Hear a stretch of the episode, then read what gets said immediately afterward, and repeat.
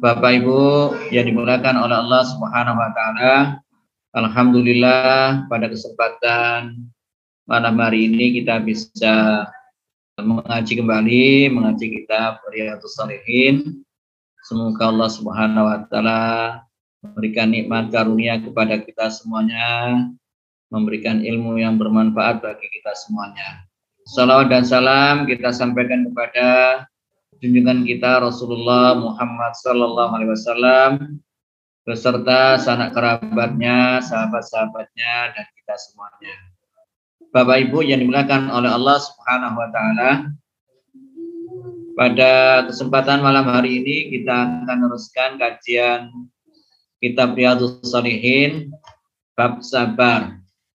Hadis yang pertama atau hadis yang ke-25.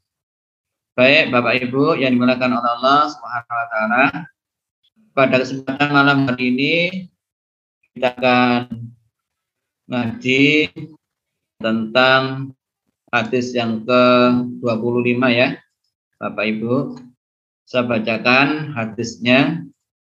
Bismillahirrahmanirrahim. Wa an Abi Malik Al-Harith bin Asim Al-Asy'ari radhiyallahu an Qala qala Rasulullah sallallahu alaihi wasallam At-tahuru syatrul iman. Walhamdulillah tamla al-mizan, tamla al-mizan. Wa subhanallah walhamdulillah tamla'ani. Atau tamla ma baina samawati wal ard. Wassalatu nurun wassadaqatu burhan. Wassabru diya wal Qur'anu hujjatun laka au alaika. Kullun nasi yadu. Babai'un baba babai'un nafsahu famuqtikuha au mubiha. Rawahul Muslim hadis rakam 223.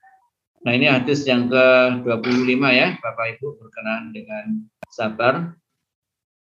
Baik, keterangannya Sabaqalan al-kalam alal ayat yang bisa disebutkan oleh pengarang yaitu Syekh tentang bab sabar wasawu wasabihi dan pahalanya warhasi alaihi dan motivasi untuk bersabar. Wa bayani mahalihi dan penjelasan posisi sabar kemudian saya harus meneruskan penjelasannya fi bayanin ahadits al-waridah fi tentang penjelasan hadis-hadis yang disebutkan di dalam bab sabar ya. Fadzakara hadis Abi Malik Al-Asy'ari radhiyallahu an anna Nabiy sallallahu alaihi wasallam qala At-tahuru syatrul iman. Al-hadis. Ya. Nah ini kalau ada ujung sebuah matan hadis, kemudian ujungnya itu ditambah kata al-hadis. Ini menunjukkan bahwasanya ini potongan dari yang ya.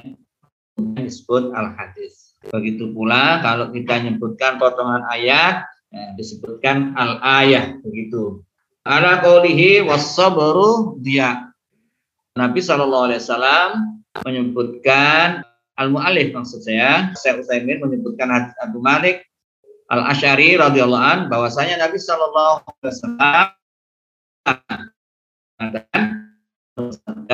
urusyatul iman bahwasanya kebersihan itu adalah syatrul iman sebagian daripada al-iman atau separuh al-iman. Ala qaulihi ya. Kemudian lanjutan hadisnya adalah wasabru dia sabar itu merupakan daun daun dia uh, ataupun cahaya ya.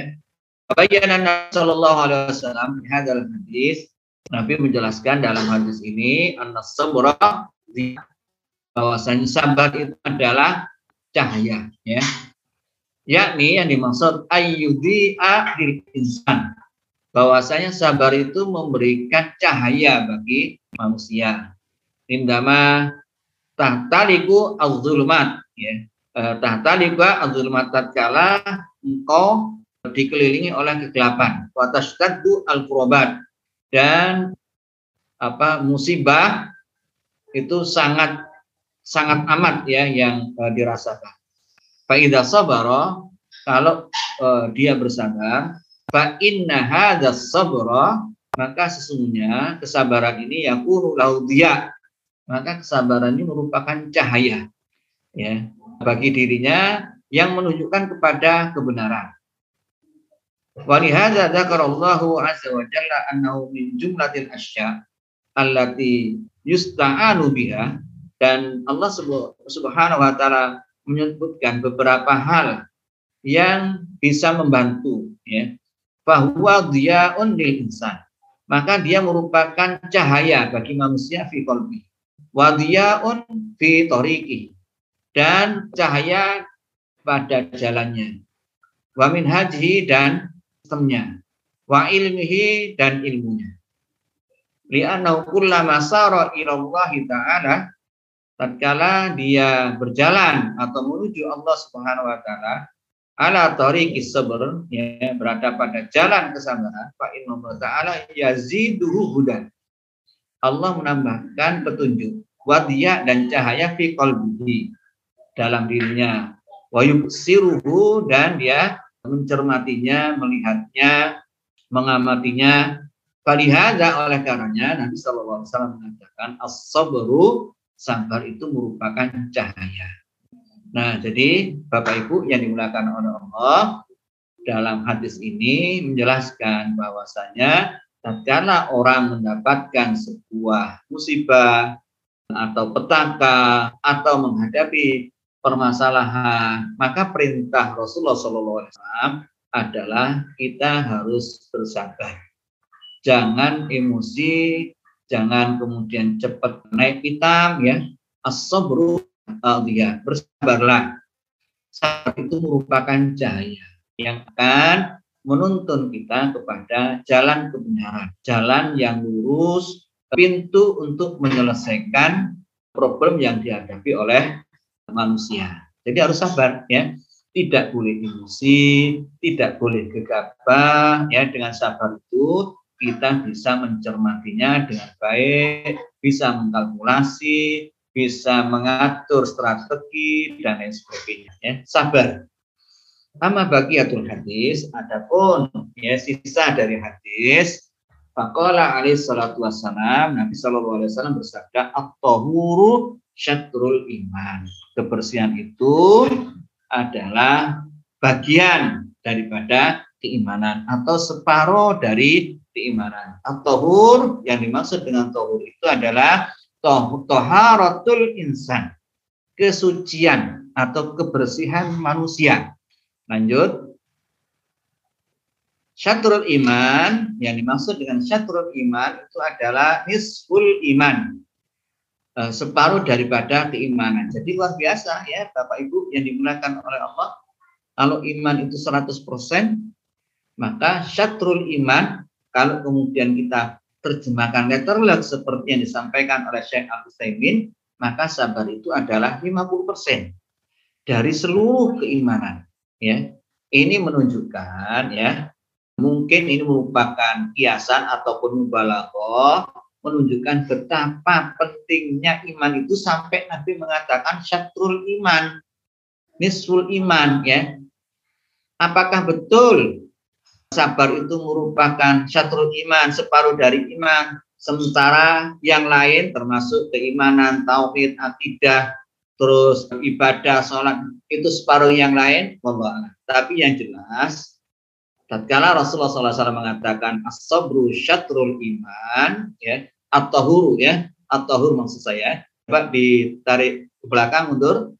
Jadi at-tahur ya, ya bukan as-sabr ya, at-tahur jadi apakah kebersihan itu merupakan caturul iman? Tapi yang jelas tatkala Rasulullah SAW mengatakan at-tahuru syatrul iman, ini menunjukkan betapa pentingnya posisi at-tahur di dalam agama kita. Ya, lanjut. Wadalika di anna al iman karena iman itu ada dua sisi, sisi tahliyah dan sisi tahliyah. Ini dibedakan ya. Yang membedakan apa, Bapak Ibu? Yang membedakan cuma titiknya saja, ya. Kalau nggak ada titiknya sama itu. Kalau dua-duanya ada titiknya sama itu, ya. Nah, bagi kita ada titiknya dan tidak ada titiknya bacanya sama, tahliyah juga gitu ya. Nah, jadi ada tahliyah, oh, ada tahliyah. Tahliyah itu artinya apa? Membersihkan. Kulu, kholi itu bersih ya atau sepi. Jadi al iman tahliyah ada sisi pembersihan, ada tahliyah sisi menghiasi ya. Sisi menyempurnakan, sisi meningkatkan itu tahliyah. Kalau tahliyah itu membersihkan. Artinya apa? Tabra'u minasyirk. At-tahliyah itu artinya membersihkan adalah membersihkan dari segala bentuk kesyirikan, ya. Menjadikan tandingan atau selain Allah tandingan eh, dengan Allah. Itu nggak boleh, ya. Hal-hal yang apa merupakan kekhususan Allah, maka nggak boleh ada makhluknya yang disamakan dengan kekhususan Allah Subhanahu wa taala itu syirik gitu ya atau membersihkan dari sikap atau sifat kusuk masih tabrak minal asyir dari sifat dari perilaku ada tabrak minal musyrikin dari orangnya wal dan orang-orang fasik bihas bima ma'ahum minal fiski sesuai dengan kadar kefasikan mereka bahwa takhallun ya atau takhallin gitu ya itu adalah membersihkan ya, membersihkan dari eh, hal-hal uh, yang merusak uh, keimanan. Hadza huwa itu adalah membersihkan atau kebersihan. Ayat tahar al-insan taharah hissiyah wa ma'nawiyah. Min kulli ma fihi ada Nah, Syekh Al Utsaimin menjelaskan bahwasanya e, kebersihan itu ada dua macam. Ada toharoh hisia yang bersifat fisik, yang bersifat lahiriah, ada toharoh yang bersifat maknawiyah. Ya, bersihan atau membersihkan dari segala kotoran, kotoran hisia, fisik, lahiriah, ada kotoran maknawiyah. Falihada ja'alahu Nabi sallallahu alaihi wasallam syatrul iman bahwasanya kebersihan itu adalah syatrul iman. Nah, yang dimaksud ini tentunya seperti yang disampaikan oleh Syekh Al Utsaimin bahwasanya at-tahuru di sini meliputi toharah isiyah wa toharah maknawiyah. Nah, kalau begini ketemu logikanya Bapak Ibu yang dimuliakan oleh Allah. Tatkala Rasulullah SAW mengatakan bahwasanya atau atau huruf syatrul iman karena apa? Karena meliputi dua sisi sisi hisiah dan sisi maknawiyah ya. Nah, sisi hisi hisiah itu sangat luas ya, termasuk bersuci dari najis, bersuci dari hadas. Ya, kalau toharoh maknawiyah itu meliputi keimanan, meliputi akhlak. Jadi banyak ruang gitu ya. Oleh karenanya bisa kita pahami kenapa Nabi mengatakan at-tahuru syatrul iman. Falihada ja'alahu Nabi sallallahu alaihi wasallam syatrul iman. Wa subhanallahi maknanya ya kasma suci Allah itu artinya apa? Tanzihullah ya, membersihkan Allah atau menghindarkan Allah Subhanahu wa taala amma la yaliqu bihi dari apa saja yang tidak patut tidak layak bagi Allah Subhanahu wa taala berbagai macam bentuk uyub, kekurangan, aib, wa mumasaratil makhlukat dan menyamakan dengan makhluk. Jadi tanzihullah atau subhanallah, maha suci Allah subhanahu wa ta'ala itu memiliki dua makna.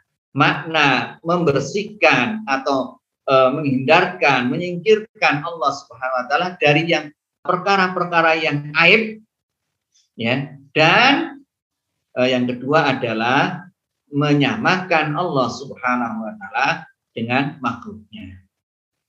Wallahu azza wa jalla munazzah ya, terhindar dari mingkuli aibin.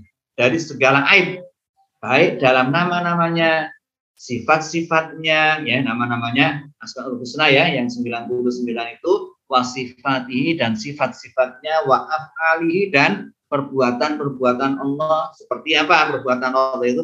Perbuatan Allah itu tertawa ya. So, e, e, untuk mengetahui af'al sifat dan asma itu ya kembalinya kepada hadis Nabi kepada Quran ya kita tidak bisa memberikan sifat atau asma ataupun af'al perbuatan eh, perbuatan Allah tanpa didasari oleh dalil Quran atau dalil hadis. Jadi tatkala kita mengatakan tentang Allah, ya kita harus punya rujukan Quran dan Sunnah gitu ya.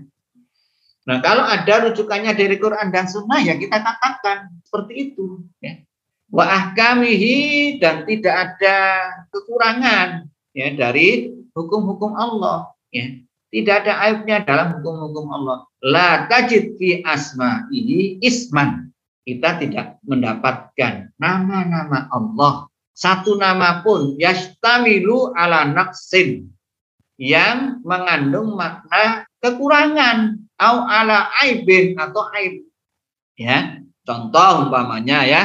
Contoh ini, tapi kan tidak ada. Contoh, Allah punya sifat, bilang ya, naim. Ya, naim tidur gitu oh Allah kok tidur ya enggak enggak ada ya maka kita tidak dapati nama-nama Allah yang jumlahnya 99 itu eh, salah satunya naim atau atsyan haus ya. Nah, atau eh, mut'ab ya atau tab enggak ada. Gitu ya karena apa? Karena itu menunjukkan nafsu kekurangan ya. Uh, atau uh, mutajawiz ya. Uh, mutazawij itu ya apa? Berpasangan ya berpasangan. Nggak ada karena itu apa? Naksin kekurangan. Au aib alo ala aib aib gitu ya. Umpamanya ya naudzubillah ya Allah punya sifat dingklan umpamanya naudzubillah ya nggak ada gitu ya nah semua nama-nama Allah sifat-sifat Allah itu bukan kesempurnaan Allah. Ya. Walihada qala ta'ala oleh karenanya Allah Subhanahu wa taala berfirman, "Walillahil asmaul husna." Allah Subhanahu wa taala memiliki nama-nama yang bagus, ya. Uh, wala tajid dan engkau tidak mendapati pada sifat-sifatnya sifatan tashtamilu ala aibin ausin ya sifat yang mengandung aib ya atau kekurangan. Oleh karena Allah Subhanahu wa taala berfirman, "Wallahi matsalul a'la." Dan Allah Subhanahu wa taala memiliki al-masal al perumpamaan yang yang mulia, yang tinggi ya. Setelah firman lillahi la yu'minuna bil akhirati dan bagi orang-orang yang tidak beriman hari akhir mereka memiliki perumpamaan yang buruk ya perumpamaan yang jelek Allah azza wa jalla Allah subhanahu wa ta'ala azza wa jalla lahul wasful akmal memiliki yang paling sempurna al yang mulia. Minjami rujuh dari segala sisi. Bahwa dan al kamal al munazzah kulli fi af'alihi. Begitu pula perbuatan Allah ya. Itu sempurna ya mulia ya. Al kamal al munazzah yang terhindar dari aib dalam perbuatan-perbuatan Allah Subhanahu wa taala. Apa umpamanya ya Allah meminta ya atau ya apalah ya tadi tidur ya itu itu kan perbuatan itu menunjukkan aib ya bahwasanya tidur itu capek butuh istirahat nah itu aib gitu ya tidak ada Kama qala Allah Ta'ala wa ma khalaqna as-samawati wal arda wa ma bainahuma la'ibin. Dan tidaklah kami menciptakan langit dan bumi dan apa saja yang di antara keduanya dengan Balaysa fi khalqillah laibun. Tidak ada pada penciptaan Allah yang main-main. Walahun dan sia-sia. Jadi Allah menciptakan apa saja di bumi ini nggak ada yang sia-sia. Lah, laibun lah walahu nggak ada. gitu ya mungkin di antara kita manusia belum sampai ilmunya untuk menyelami, mendalami ciptaan Allah Subhanahu wa taala sehingga seakan-akan sia-sia main-main gak ada gunanya dan sebagainya ya. Itu karena ilmu kita saja yang tidak sampai. Tapi sekali lagi wa ma khalaqnas samawati wal arda wa ma bainahuma la'ibin. Enggak main-main gitu kan. Wa inna ma huwa khalqun ya mabniun alal hikmah. Ya, tapi ciptaan Allah itu semuanya ya itu e, didasari pada hikmah. Kadzalika ahkamu demikian pula hukum-hukumnya. La tajid engkau tidak dapat fiha aiban wala naqsan enggak ada aib dalam hukum Allah dan tidak pula apa namanya naqsun kekurangan. Kama qala Allah Ta'ala alaysa Allahu bi ahkamil hakimin. Bukankah Allah Subhanahu wa taala adalah hakim yang paling adil? Sehakim hakimnya ahkam. Ahkamul hakim. Hakim yang ya, paling apa hakim yang paling bijaksana. Jadi nggak ada yang aib, tidak ada yang kurang gitu ya. Wa qala azza wa jalla afa hukmal jahiliyati yabghun. Apakah hukum jahiliyah yang mereka harapkan? Wa man ahsanu minallahi hukman liqaumin yuqinun. Dan wa man ahsan, siapa yang lebih bagus dibandingkan Allah? Siapa yang lebih bagus hukumnya dibandingkan Allah? Liqaumi yuqinun bagi orang-orang yang baik. Lanjut. Wa qawlu sallallahu alaihi wasallam subhanallahi walhamdulillahi tamla'an. Au qala tamla ma bainas samawati wal ard. Maha suci Allah subhanallah katanya Walhamdulillah. Dan ucapan alhamdulillah. Tamla'ani. Dua kalimat ini memenuhi au qala tamla atau memenuhi. Ya ini sang ragu apakah tamlaan atau tamla. Tapi dua-duanya sama maknanya ya. Memenuhi ma bainas samawati wal ard. Subhanallah ya. Jadi kalimat subhanallah walhamdulillah itu memenuhi apa saja yang ada di langit antara yang ada di langit dan yang di jadi memenuhi ruangan itu, ruangan antara langit dan bumi itu memen, apa kalimat subhanallah walhamdulillah itu memenuhinya. Jadi di sini katakan syakka minarawi. Al-qala Nabi sallallahu alaihi wasallam tamla dan seterusnya tadi sudah saya jelaskan. Wal makna artinya adalah layak talif ya tidak uh, tidak berbeda antara tamla ya atau tamlaan. Wadali kali an hatainil kalimatain mustamilatani ala tanzihillahi an kulli nafsin fi qawli subhanallah ala wasfillahi bi kulli bi kullin fi qawli walhamdulillah. Baik, itu makna tamla sama tamlaani intinya sama ya. Pokok jamaat hatanil kalimat kalimatan baina tahliyah wa tahliyah. Kama yakulun kembali ke atas tadi Bapak Ibu yang digunakan oleh Allah Subhanahu wa taala bahwasanya tasamilan sebentar ya wal makna la yakhtalif ya, yakni anna subhanallah walhamdulillah tamlak ma bainas samawati dan seterusnya faqad jama'at hatanil kalimatan bainat takliyah wa tahliyah dua kalimat ini subhanallah walhamdulillah mencakup ya makna tahliyah membersihkan dan tahliyah menghiasi. Artinya apa? Baina nafyi kulli aibin ya, bayyana nafya kulli aibin wa naqsin ya. Menjelaskan apa? penolakan atau membersihkan segala gamal dan menentukan segala bentuk kesempurnaan. Fasubhanallah fiha nafsu an naqais subhanallah maha suci ya maha suci Allah itu artinya apa Allah itu sempurna ya. oleh karena sempurna maka tidak ada kekurangan-kekurangan nafju anak menafikan ya menepis segala bentuk-bentuk kekurangan. Sementara walhamdulillah ya kalimat alhamdulillah di situ terdapat isbatu agamalat ya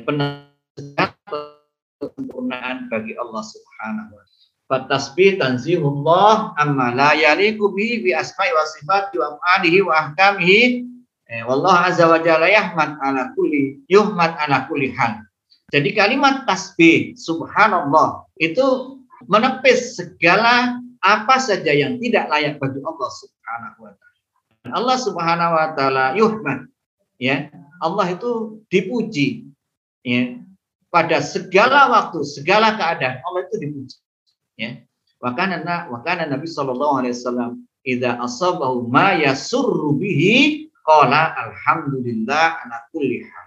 Kalau Allah Subhanahu wa taala mendapatkan apa saja yang membahagiakannya, Nabi mengatakan alhamdulillah ala kulli ya. Merupakan pujian bagi Allah Subhanahu wa taala ya. Seberapapun apa pun kondisinya, alhamdulillah ala kulli hal.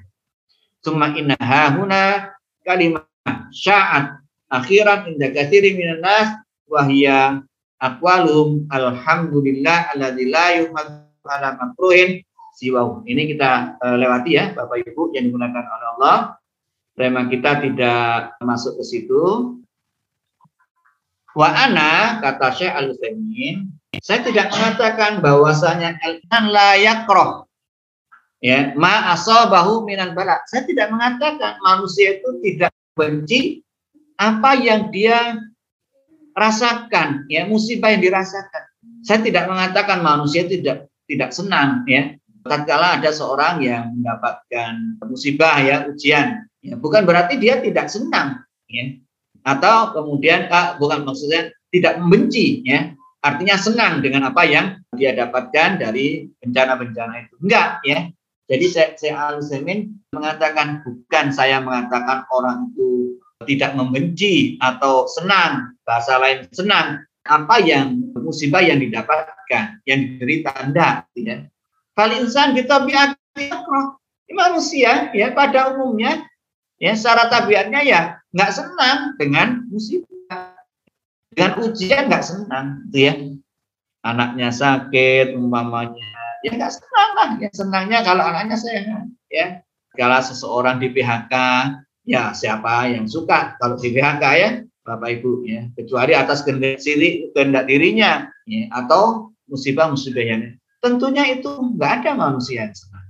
Lakin la tu'lin hadza bilisanika. Yang ini begini-begini ini jangan dinyatakan dengan lisan ya. Fi maqamis sana'i Allah dalam konteks kita memuji Allah Subhanahu wa taala. Bal abbara kama abbara Nabi sallallahu alaihi wasallam tapi diungkapkan seperti yang Nabi sallallahu alaihi wasallam ungkapkan alhamdulillah ala kulli hal. Sekalipun ya, sekalipun mendapatkan musibah ya, jangan mengeluh gitu ya. Jangan mengeluh ya. Makanya dikatakan fal insan bitabi yakroh lakin latulan ya. Jadi mengeluh itu jangan disampaikan, jangan diutarakan gitu ya. Nah, kalau mau mengutarakan bagaimana? Alhamdulillah ala kulli hal. Ya, apa pun eh, yang saya dapatkan itu saya tetap ya mengucapkan alhamdulillah. Begitu ya. Ala kulli itu maknanya begitu ya.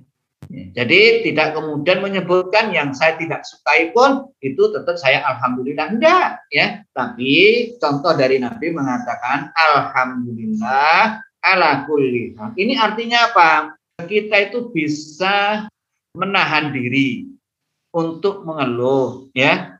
Kita bisa memanage batin kita, perasaan kita. Kita tetap tidak mengutarakan, mengucapkan keluh kesah kita, tapi dengan bahasa yang lebih kalau bahasa kita lebih sopan ya terhadap Allah. Alhamdulillah ala kulli. Jadi kalau umpamanya di antara umat ini ada yang terkena musibah, apa pun musibahnya ya, baik pribadi, keluarga, masyarakat, negara dan seterusnya, kita tetap mengatakan alhamdulillah ala kulli hal. Itu ya. Qaulu sallallahu alaihi wasallam wassalatu nurun ya. Uh, salat itu merupakan cahaya. Fassalatu nurun. Salat itu adalah cahaya. Nurun lil abdi fi qalbihi. Cahaya bagi hatinya, dalam dirinya. Wafi wajhi dan dalam wajahnya. Wafi qabrihi dalam kuburannya. Wafi hasyrihi dan dalam alam mahsyarnya. Walihada, oleh karenanya, tajat aksaran nas nuron aksar hum aksaruhum sholah.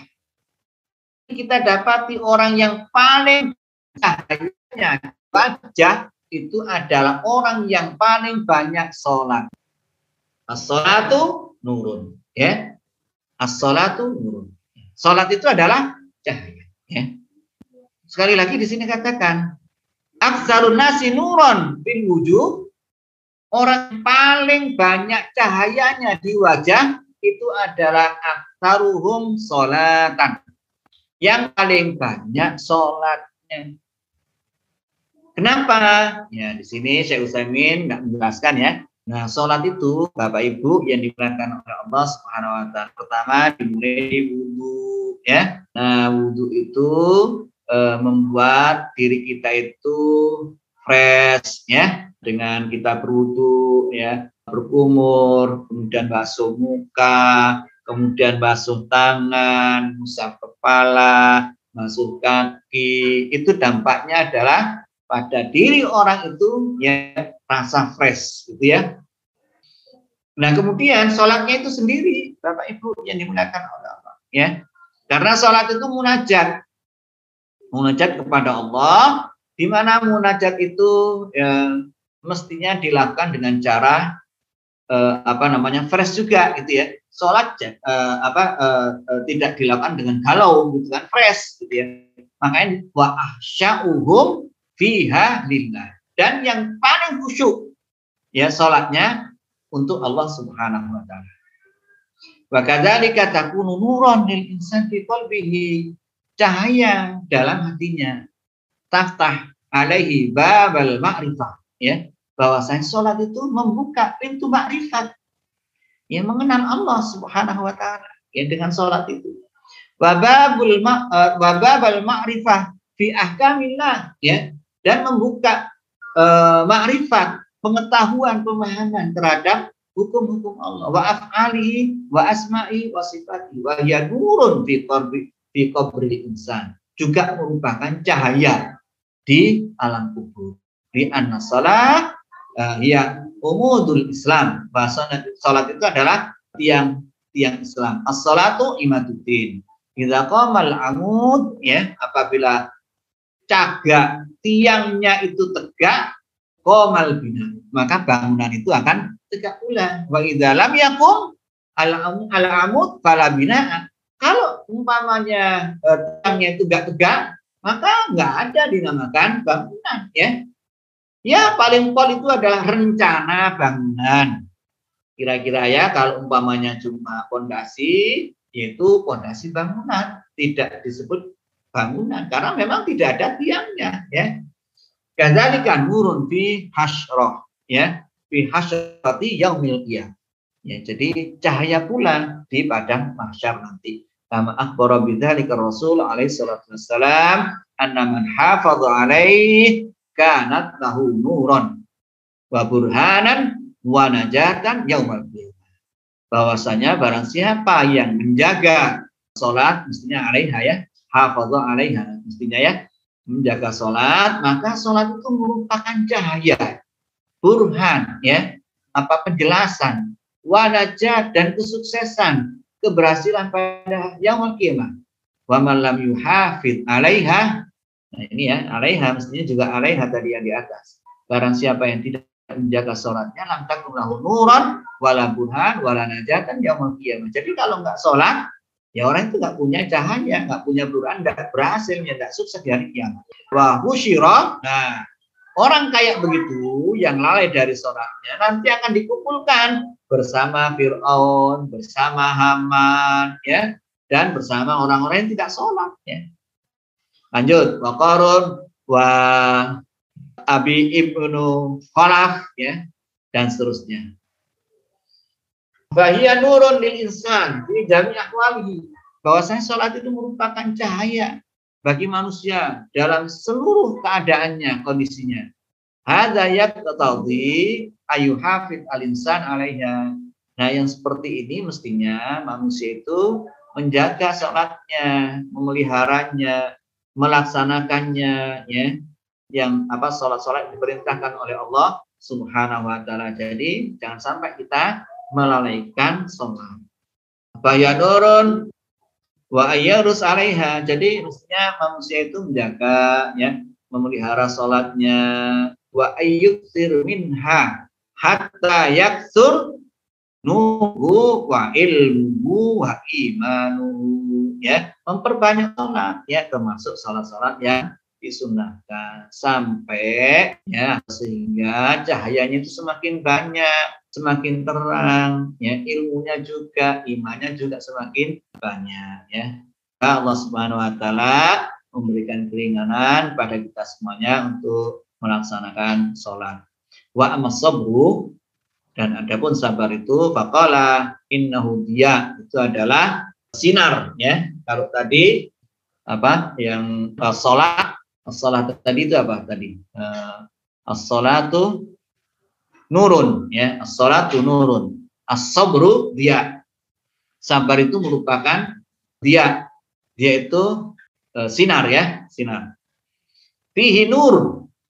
Dalam sabar itu ada nur ya. Ada sinar. Laki nurun maharoro. Jadi sinar yang memiliki kehangatan ya jadi bukan hanya terang saja tapi terang tapi ada harorongnya ada ada kehangatan kama qala Allah taala والذي جعل الشمس ضياء والقمر نورا Nah ini ya. Allah Subhanahu wa taala yang menciptakan asyamsa matahari. Matahari itu dia. Ya. Apa kalau bahasa Indonesia-nya ini yang tepat apa? Cahaya cahaya ya, bukan sinar ya, cahaya. Nah, eh, dia itu memiliki panas, ya, kehangatan. Wal qamara dan bulan itu memiliki nur, sinar, ya sinar. Jadi sinar itu tidak tidak ada harorohnya, tidak ada panasnya. Tapi kalau asyams dia ya memiliki eh, apa eh, panas. Fadau labudda fihi min haroroh. Yang namanya itu rorohnya ada hanya ada panas. Ini logikanya. Kenapa astabru itu dikatakan dia? Syamsu matahari itu dikatakan dia. Kenapa itu dikatakan dia yang memiliki haroroh, ada kehangatan, ada panas. Dafi min hararah.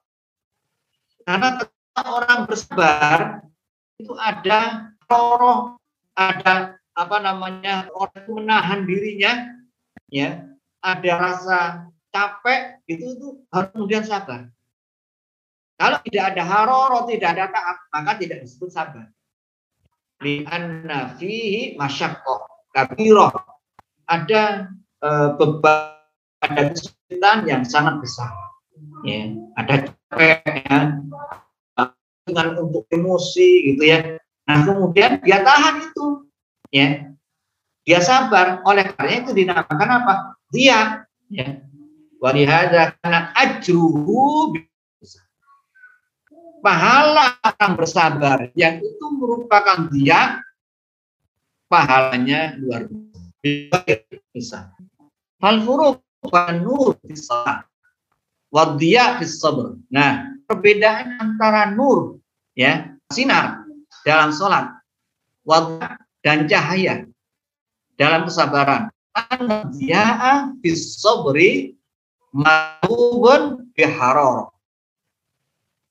cahaya yang ada dalam kesabaran itu diiringi dengan uh, suasana hangat, suasana panas. Ya, oleh karena gitu ya. Lima fidzalika minat ta'ab al-qalbi ada capek batin, ada capek fisik fi ba'dil ahyan. Ya. Oke ya. Jadi Bapak Ibu yang digunakan oleh Allah Subhanahu taala luar biasa ya penjelasan dari Syekh Al Utsaimin berkenaan dengan dia. Kenapa sholat itu dikatakan dia? Kenapa sholat itu dikatakan nur? Kenapa asyamsu nuro? Uh, asyamsu dia gitu ya. Wal qamara nuro. Baik, kita lanjutkan Bapak Ibu yang digunakan oleh Allah Subhanahu wa taala. Semoga materinya selesai ya Bapak Ibu ini tinggal 20 menit sampai jam 9. As-sadaqah badlul mal qaruban ilallah. Yang dimaksud dengan sedekah itu adalah mengorbankan harta. Ya, jadi ada yang dikorbankan. Ya, kalau bukan berkorban, uh, bukan sedekah ya, badlul mal atau menyerahkan harta. Taqarruban ilallah. Untuk takarrub ya kepada Allah Subhanahu wa taala.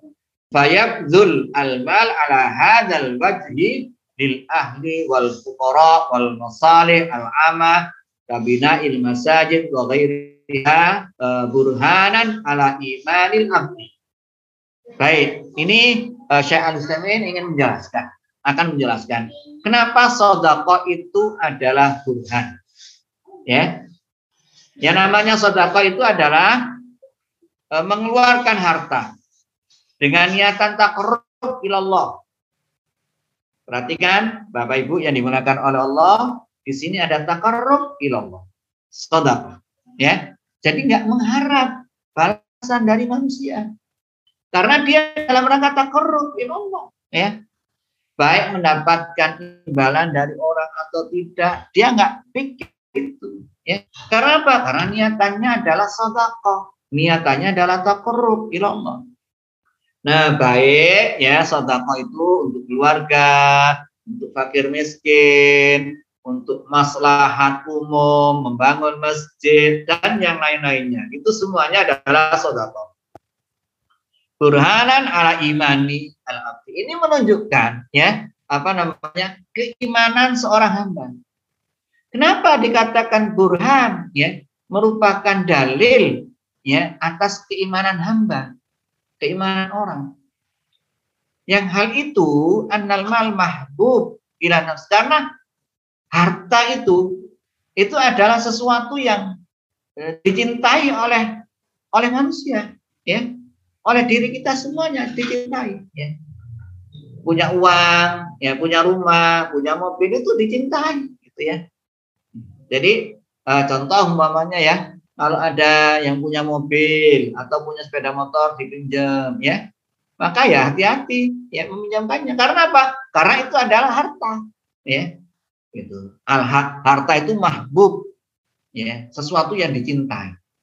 Wanufus syahihabi jiwa pun juga senang ya dengan dengan harta itu. Faida badalahul insan kalau itu dia keluarkan untuk Allah fa innal insana la yabli ma yuhibbu illa lima huwa ahabbu ilaihi ya. Maka e, manusia ya mencintai la yabdulu ma yuhibbu illa lima huwa ahabbu ilaihi min jadi seseorang ya itu tidak akan memberikan kecuali untuk sesuatu untuk siapa yang ia cintai ya untuk yang ia lebih cintai gitu Harta kita mencintai, ya. Harta kita cintai. Kenapa kemudian kita berikan kepada anak kita? Ya, kenapa kita berikan harta kepada eh, pada tanggal tua tanggal berapa ya kalau gajian itu ya? Nah, setelah seseorang mendapatkan gaji, ya, terus serahkan kepada kepada istrinya. Kepada siapa? Kepada anaknya, kepada ibunya. Kenapa? Karena anaknya, ibunya, suaminya, itu jauh dia lebih cintai daripada hartanya. Ya. Coba kalau kemudian ke orang lain, ya, orang lain. Apa seperti memberi kepada istrinya, kepada anaknya, kepada ibunya? Ya enggak, ya. Kenapa? Karena orang lain itu tidak lebih dicintai ketimbang hartanya. Jadi seseorang itu memberikan, mengeluarkan harta kepada seseorang tatkala orang itu lebih dicintai. Nah, tatkala orang itu menyerahkan hartanya untuk Allah, berarti Allah lebih dia cintai daripada hartanya gitu. Fayakunu fi badlil mali lillahi azza wa jalla dalil ala sidqil imani wa sihhatihi. Jadi tatkala orang ya mengeluarkan hartanya di jalan Allah untuk masjid, untuk anak yatim ya dan lain sebagainya untuk keperluan pengajian ya. Itu menunjukkan bahwasanya keimanannya itu jujur gitu ya. Keimanannya itu benar bukan pura-pura. Walihada tajid aktsara nasi imanan billah wa bi ikhlafihi tajidhum aktsara tajiduhum aktsaruhum eh, aktsaruhum sadaqah. Jadi kita dapati orang yang imannya itu lebih banyak, ya lebih tinggi imannya, imannya lebih kuat, ya dan kepercayaannya bahwasanya Allah Subhanahu Wa Taala akan mengganti hartanya itu, kita akan dapati orang yang kayak begitu sodakonya lebih banyak. Ya, tajidhum aktsarohum sodakoh. Jadi kalau umpamanya orang itu ya contoh umpamanya ya pada uh, zaman sahabat ya kita uh, paham betul ya tahu betul tentang sahabat-sahabat itu. Uh, dan yang terbanyak sodakohnya adalah sahabat Abu Bakar. Umar kalah ya. Utsman kalah dengan Abu Bakar. Kenapa? Karena imannya Abu Bakar itu mengalahkan imannya uh, Umar, sahabat Umar, mengalahkan imannya Utsman dan sahabat-sahabat yang lainnya. Ya, ini jadi bukti bahwasanya keimanan uh, sahabat Abu Bakar radhiyallahu an itu lebih kuat dibandingkan sahabat-sahabat yang lain. Oleh karenanya sedekahnya luar biasa. Ya. Sumaqala Nabi Shallallahu Alaihi Wasallam wal Quran hujjatun laka au alaika. Dan Quran itu merupakan hujah bagi kalian. Atau uh, hujjatun laka ini artinya uh, sebagai penolong ya sebagai penolong, sebagai yang memberikan advokasi kira-kira itu ya. Au alaika yang menyerumuskan ya, yang tidak membantu kalian alaika. Jadi beda Bapak Ibu yang dimulakan oleh Allah hujatun laka au hujatun alaika itu maknanya berseberangan. Kalau hujatun laka itu menolong ya, memberikan dukungan. Au alaika hujatun alaika artinya e, menjerumuskan. Ya, tidak memberikan pertolongan gitu. Li'anal Quran wa hablullahil matin. Ya, tali Allah yang wa huwa hujjatullah ala khalqi. Itu merupakan ya hujjatullah e, yang akan memberatkan pada hambanya. Fa imma ayyakuna laka wa dzalika fima idza tawakkal tawassalta bihi ilallah wa kunta biwajibi hadzal qur'an min at-tasdiq bil akhbar wa amtisalil awamir wa istinabin nawahi wa ta'dhimi hadzal qur'anil karim wa ihtirami fa fi hadhil hal yakunu hujjatun laka. Jadi tatkala kita menjadikan Quran ya, kita imani Quran ya, eh, kita agungkan Al-Qur'an ya, kita baca Al-Qur'an, kita percayai isi Al-Quran, kita laksanakan perintahnya, kita tinggalkan larangan-larangannya, maka Quran akan menjadi penolong, ya, naka. Lanjut. Amma ingkan al-amru bil aks. Kalau sebaliknya, ya, seseorang menghinakan Al-Quran atau meninggalkan Al-Quran, baik lafalnya, artinya apa tidak dibaca, ya, tidak dibaca. Tinggalkan ya bacaannya itu. Ya. Bisa baca, nggak pernah belajar. Ya, itu meninggalkan Al-Quran, Ya. tidak pernah baca sama sekali, itu juga meninggalkan Al-Quran. Tidak memahami maknanya, cuma baca saja atau menghafalkan saja, itu juga meninggalkan Al-Quran loh, ya. Meninggalkan Al-Quran loh, ya. Jadi hati-hati Bapak Ibu yang dimulakan oleh Allah Subhanahu wa taala kalau kita mengemar gemar membaca Al-Qur'an, gemar uh, menghafal Al-Qur'an bagus. Nggak ada yang mengatakan itu jelek, bagus, luar biasa. Cuma kalau berhenti sampai di situ tidak mengerti maknanya itu sama saja meninggalkan Al-Qur'an dalam hal maknanya. Ya, oleh karenanya kalau baca Al-Quran, menghafal Al-Quran, iringi ya pemahamannya. Wa amalan. Kalau tahu maknanya, ya, Pamannya Bismillahirrahmanirrahim atau A'udzubillahi minasyaitonirrajim. Oh, maknanya tahu ya. Ya, kita berlindung dengan Allah dari setan. Eh, ternyata apa? Maka malah berlindungnya bukan kepada Allah ya kepada selain Allah. Ini artinya apa? Tidak menjalankan isi Al-Quran. Ini juga meninggalkan Al-Quran. Baik ini sesudah ke sebelumnya ya. Coba turun sedikit biar uh, tahu. Walam takum biwajibihi tidak melaksanakan apa yang diwajibkan oleh Al-Quran fa innahu yakunu syahidan alaika yaumal qiyamah. Akan memberatkan ya bagi orang yang uh, yang seperti itu yang menghinakan Al-Qur'an. Ngejek Al-Qur'an nginjak-injak Al-Qur'an ya.